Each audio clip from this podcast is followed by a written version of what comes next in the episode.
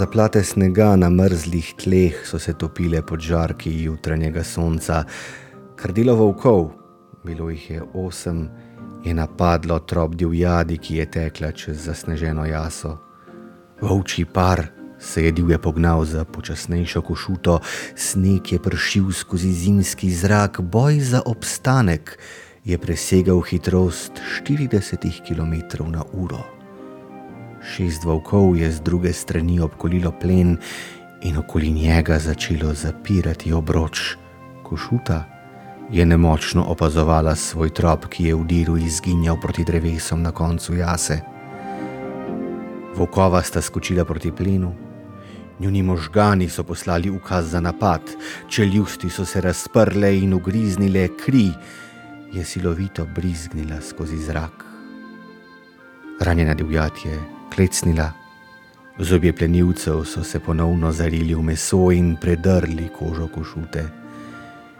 Veliko telo je po težo dvojnega napada padlo na tla, volčji par je zadal še zadnji, tokrat smrtonosni ugriz.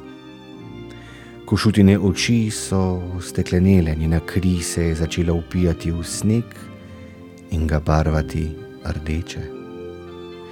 Umrtev plen sta prva zarinila gobca alfa samec in alfa samica. Drugi volkovi so na razdalji nekaj metrov čakali, da se nahranita in da tudi sami pridajo na vrsto. Ostri zobje so trgali meso mrtve košute, v tišino, ki se je dvigovala nad gozdom, je rezalo renčanje volkov. Skozi zrak je švistnila krogla in zadela. Klara si ni nič narobe, če končava z branjem odlomka, kar sredi povedja, je tako? Ja, ja, lahko. Seveda, suspenzi so v kriminalnih romanih dobrodošli in ključni.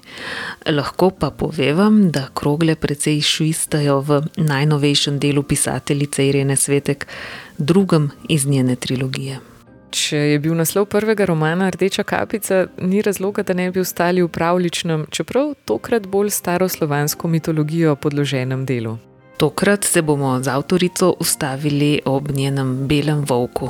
Še preden pa zavijemo k volkovom in njihovem sobivanju z ljudmi, velja tudi obratno, sobivanju ljudi z volkovi, zavijemo z avtorico prejšel prostor, kjer je roman nastajal in ki se ga je po pripovedovanju tudi malo navzela čarobnosti zgodbe. In še preden zavijamo v njeno osobico na Viču, povem, da podcast nastaja v sodelovanju s portalom Erbeletrina, ustvarjava pa ga Klara Škrinjar in Maja Čakarič, avtorici podcasta Strašno hudi. Kireni torej. Jaz sem roman pisala ne preseb doma, ampak v stanovanju svojih staršev, ki so ga pač pustili nam, vsem, oziroma meni pa sestri na uporabo. To je na Viču dol. In v tem stanovanju je ena stvar, ki je zelo posebna, to, da je zelo tiho. Čeprav je to dost v centru Viča, je tam taka tišina, da ne slišiš nič, ne, ne zunanjega prometa, ne, tudi muhe na steni ne slišiš nič. In je en tak hecen občutek, da se ti sploh navadiš na tišino, ker vsi mislimo, kako je tišina fajn za ustvarjati. Ampak ko ti zrediraš vse možne šume, da priješ res dejansko na nulo, še hladilnika se ni nič, nič, nič, potem je en tak čuden občutek. V sobo se je zaprla tako rekoč dobesedno za dva meseca in delala tudi po 16 ur na dan. Zvečer nisem vedela, kdaj sem spat hodila, ob treh, štirih, zbudila sem se recimo ob desetih, prva stvar, ki sem oči odprla, ne vem, stuširati zobe, umiti nekaj pojesti in potem pisati. In potem pisati, dokler dol ne padeš in spet in to ponavljati. In je bilo res, kot se zaciklaš in padeš v neke vrste trans. To je, bilo, to je bilo res, kot da greš v rudnik in, in delaš, koplješ, koplješ, koplješ in priješ ven in ne veš, aj dana je noč, tako res eno tako zelo, zelo poseben čas, no, moram reči. Ampak sem imela pa toliko ene te kreativne moči not v sebi, da je kar bruh ali pa potem brušenje, ampak mislim, to po mojem še na nobenem romanu nisem delala, kot na tem. Najbrž si nihče ne dela utvar, da roman nastane tako, da začneš z uvodno povedjo in nadaljuješ s tokom takratnih misli. Razen če ne pa ustvarjaš Joyceovske atmosfere. Nope, Beli Vovk je vrh ledene gore, ki je podprta z branjem, ogledom dokumentarnih oddaj, eh, tudi občasnim poslušanjem MTV-ja za podlago k ustvarjanju in zbiranjem misli na papir. Na to pa je zbrano razvrstila v zgodbo. Umestila jo je v belo krajino in v kočevski rok, v katerem bravci naletimo na golo truplo mlade ženske s prerezanim vratom ter po obrazu prekrito z masko v obliki volčje glave. Prav veliko več niti ne bi razkrila, jasno je, da je treba pač primere rešiti, in zato se v zgodbo vrnejo znanci iz prejšnjega romana, med drugim tožilec Mijo Aureli in patolog Patrik Valubreta, ki poprimeta za primer. Pridružijo pa se jim še povsem nove osebe, Perun in Mokoš, recimo domačina, starša umorjene, ki s precejšno težo seboj nosita tudi veliko družinsko skrivnost. Ja, kaj pa če tukaj za hip opozoriva tudi na njuni, vsaj v današnjih dneh, neobičajni imeni? Čisto na ključu sem brala en članek uh, v neki dosti strokovni reviji o staroslovenski mitologiji, spravo boginji vode, mokoš, o velesu, bogu podzemlja, nadzemlja, Perunu in seveda o morani, bogini smrti, staroslovanski oziroma slovanski. In sem ugotovila, koliko malo, in seveda o Juriju. In jaz nisem vedela, da sta ona dva bila brat in sestra. To mi je bilo nekaj tako. Sploh nisem vedela, da se da to povezati. Prav boginja smrti Morana in Juri, potem kasneje ta naš zeleni Juri na, na belem konju. Kako je to lahko sploh povezano. In pa me je zaintrigiralo in sem brala naprej, naprej in sem videla, da so to krasne zgodbe katerih pojma nimamo. Tako da se mi je zdelo po eni strani zanimivo, kako noč ne vemo o tem, po drugi strani pa še bolj fascinantno, ko sem videla, kako so to krute zgodbe in kako so hkrati lepe zgodbe in kako je to ena velika ljubezenska zgodba. Kdo je boginja Morana, kako je bila ona zaljubljena in kako je bila lepa ženska in kako se je potem zaradi tega, kar je naredila, pač postala stara, zagrenjena. Sivimi lasmi, in to se mi je zdelo, da naenkrat se mi je utrnil, kako bi se dal to krasno, da je to roman. Da to je to je kriminalka, to so krute zgodbe, ne? tukaj imamo umor, ne enega, imamo dva. Potem je morala samo še razmisliti, v kateri konec Slovenije bi jo umestili. Nekako so se mi ti kočevski gozdovi s svojo neko temačnostjo, skrivnostnostjo, taki. Um, mistični so mi zelo. Ne? Sem šla večkrat raziskati te konce in sem videla, da tudi zelo malo vemo o kočevskem nasplošno. In je polno zgodovine to kočevsko, od temačne do mečkan lepše. Ne? Vemo vsi, kaj se je med drugo svetovno vojno tam dogajalo, kaj se je po drugi svetovni vojni tam dogajalo. In se mi zdi, da, da so ta tla in da je ta zemlja prepojena s krvjo in, in, in, in z mnogimi zgodbami, o katerih skoraj nič ne vemo. Po drugi strani pa kot kontrast kočevju bela krajina, ki me je pa vedno asociirala nekaj zelenega, nekaj svetlega, nekaj belega. In bolj, ko sem razmišljala, bolj sem videla, da gre za ta dva božanska, se pravi Bog pod zemljo in Bog nad zemljo.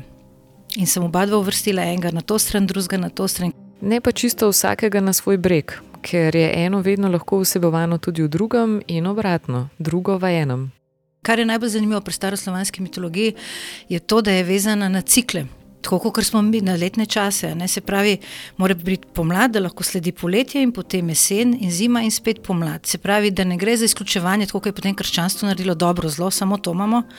Gre za, eno, za to, da eno ne, ne, ne obstaja brez drugega, ne? da se ne izključujete, ampak se dopolnjujete. In to se mi zdi ena tak, taka ena lepa misel na to. Tako da potem tudi vsebinsko, ko vidiš, da zakaj recimo je prišlo do tega zla, do te teme, ne sploh pri, pri, pri Velesu ne da bi kaj preveč zdaj izdajala, ampak vidimo, da je neka lepa stvar v zadnji. Se pravi, tako kot pri nobenu človeku, je samo, ne, samo nekaj temnega ali pa samo svetlega. Ne? Vsi imamo cel diapazon nekih lastnosti vseb in to sem hotela nekako pokazati tudi v romanu. Je.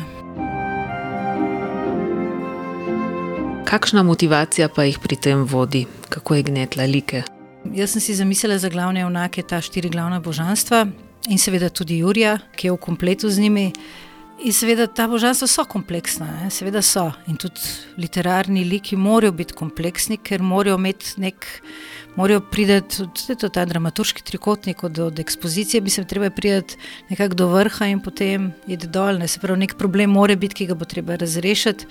In vsa ta plejada nekih njihovih notranjih vzgibov ali pa bojev, ker vedno junak se more boriti z nečem, more nekaj presešti, more biti nekaj pri njemu, neka prepreka na poti, recimo, temu do cilja.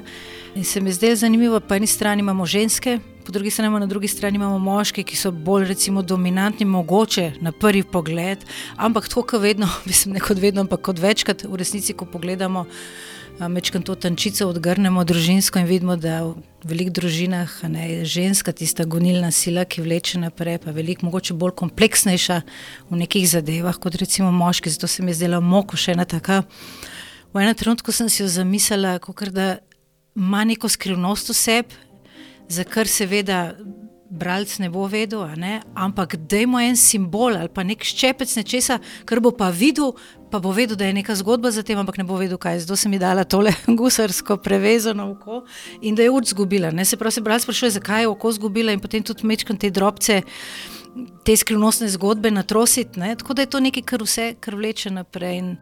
Pri tem pa, no, najbrž ne izdava preveč, če rečemo, da kot bralec in bralka vse čas za vratom čutiš volčjo sapo. Ja, pa tudi junaki jo čutijo. Ta fikcija moja, Beli Vok, ta roman, je že tako na meji magičnega realizma za, za vso to pravlično zgodbo o bogovih in je treba najti neko sorazmerje med tem, koliko delati se lahko gre in koliko ne.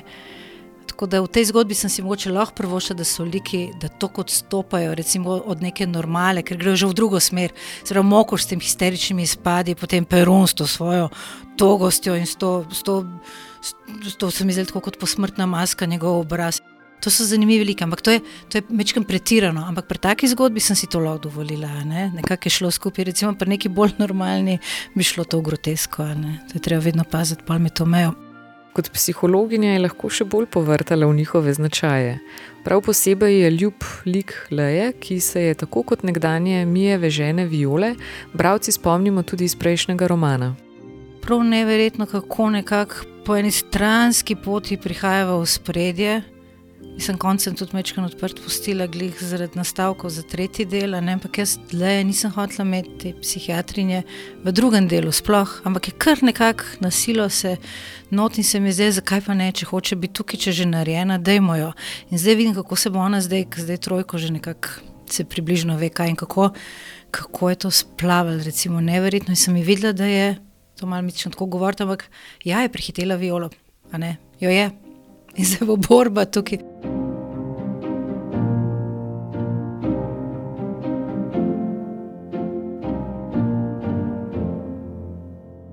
V romanu je po principu binarnih opozicij prepletala rojstva in smrti, dobro in zlo, ljubezen in sovraštvo, svetlobo in temo. In jih ciklično zapletala. Ampak svetloba precej redko posije, je ta občutek mraka nekaj, kar sama črpa tudi iz eh, našega časa, ki nas obdaja. Eh, je videti, da je v njem premalo svetlobe in možnosti za svetlejšo prihodnost. Vidiš, da ta svet, ne samo to, kar se zdaj dogaja, ampak že prej. To je toliko enih grozljivih stvari, ne, o katerih ne vemo nič, ali pa tudi potem, ko zveš, si misliš, da se ne more biti, se mečkaj odmakneš. Ne, ampak to je takrat name že tako vplivalo, da vedno sem mislil, da se z dobrim vrača ali pa dobro premaga zlo. Ampak že sploh to, kot v bratih Karamazovi, kaj bi bil najmlajši brat, ne? kako je imel, da, da, da lahko otroci trpijo, se pravi najbolj, najbolj, najbolj nedožna, kako je v tem pač dvomu Boga. Ne? In ko vidiš ene take stvari. To je z mano ostalo, to me je tako na nek način zaznamovalo, me je zelo, zelo prizadelo. Tako da vse ostalo, kar se dogaja, se mi zdi, da je bilo vedno tako. Tudi zgodovinsko, ko pogledamo vse te amplitude, vse ta nihanja, vse to, kar se dogaja čez zgodovino, tudi to, kar se danes na zadnje dogaja, to ni več novega. Ker človek, mi mislimo, da vsemi temi konvencijami, v Združenih narodih, vse to, kar imamo šele zdaj, v 20, druga polovica 20. stoletja, ne, ta civilizacija, da smo se mal očlovečali, kako naj temu povem. Mislim, da je to samo malo peska v oči. In mi slučajno rastemo zdaj v tem času, ko naj bi bilo tako, pa ni. Ne. Jaz mislim, da je človek zver in je vedno bil. Da je tako je razvidno tudi iz usporedne zgodbe, ki jo precej časa istočasno vozi čez roman. To je drugačna zgodba o trgovini z drogami, ki poteka od Afganistana do Slovenije. To je bilo čisto slučajno, ker sem gledala Bog pod zemljo. Kaj je pod zemljo? Prva asociacija mi je bila na organiziran kriminal. Kaj je organiziran kriminal? To so droge. Kira droga je taka najbolj dark, najbolj pomen, nekako tako kain, mi nek upper, tako mi nekako ni, kjer je pa tako dark in meni tako že sploh te kri in igle in uh, se mi je zdela pa heroin. Ampak heroin se mi zdi tako nekako, da mogoče obtiču bolj v 80-ih, takrat, ko je bil to res tak boom. Pojmo še en korak naprej. Kaj se danes dogaja?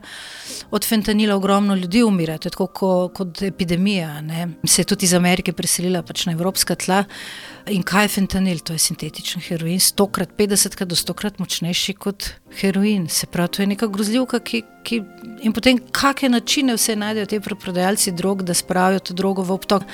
Se pravi, imamo eno klasično drogo in eno to pač njegovo nadgradnjo, moderno. In ko smo začeli članke brati od, od Afganistana, ta pot balkanska čez te naše konce, ne, kako je politika upeta tudi no, to. Sicer tega nisem v romanu dajala, ampak me je presenetilo. Bolj ko raziskuješ, bolj ko riješ, vidiš ene stvari, ki so tako neverjetne. Od tega, kako je Afganistan bila prva država, ki je priznala Kosovo, do teh celih laboratorijev, ki jih imajo dol in kako politika sodeluje z roko v roki. Da, mislim, če ne, ne bi šlo naprej do Evrope, ne bi prišel niti gram, recimo temu tako, ne, ne pa take grozne, ogromne količine. Ob belem volku, ki je ulično ime za zelo potentno mešanico heroina in fentanila, pa nas nehno spremljajo volkovi kočevskih gozdov. Brata Grimim s pravljicami, recimo o rdeči kapici, nista naredila velike usluge. Videti pa je, da so njej ljubi. To se mi zdi tako lepa zgodba. Ne?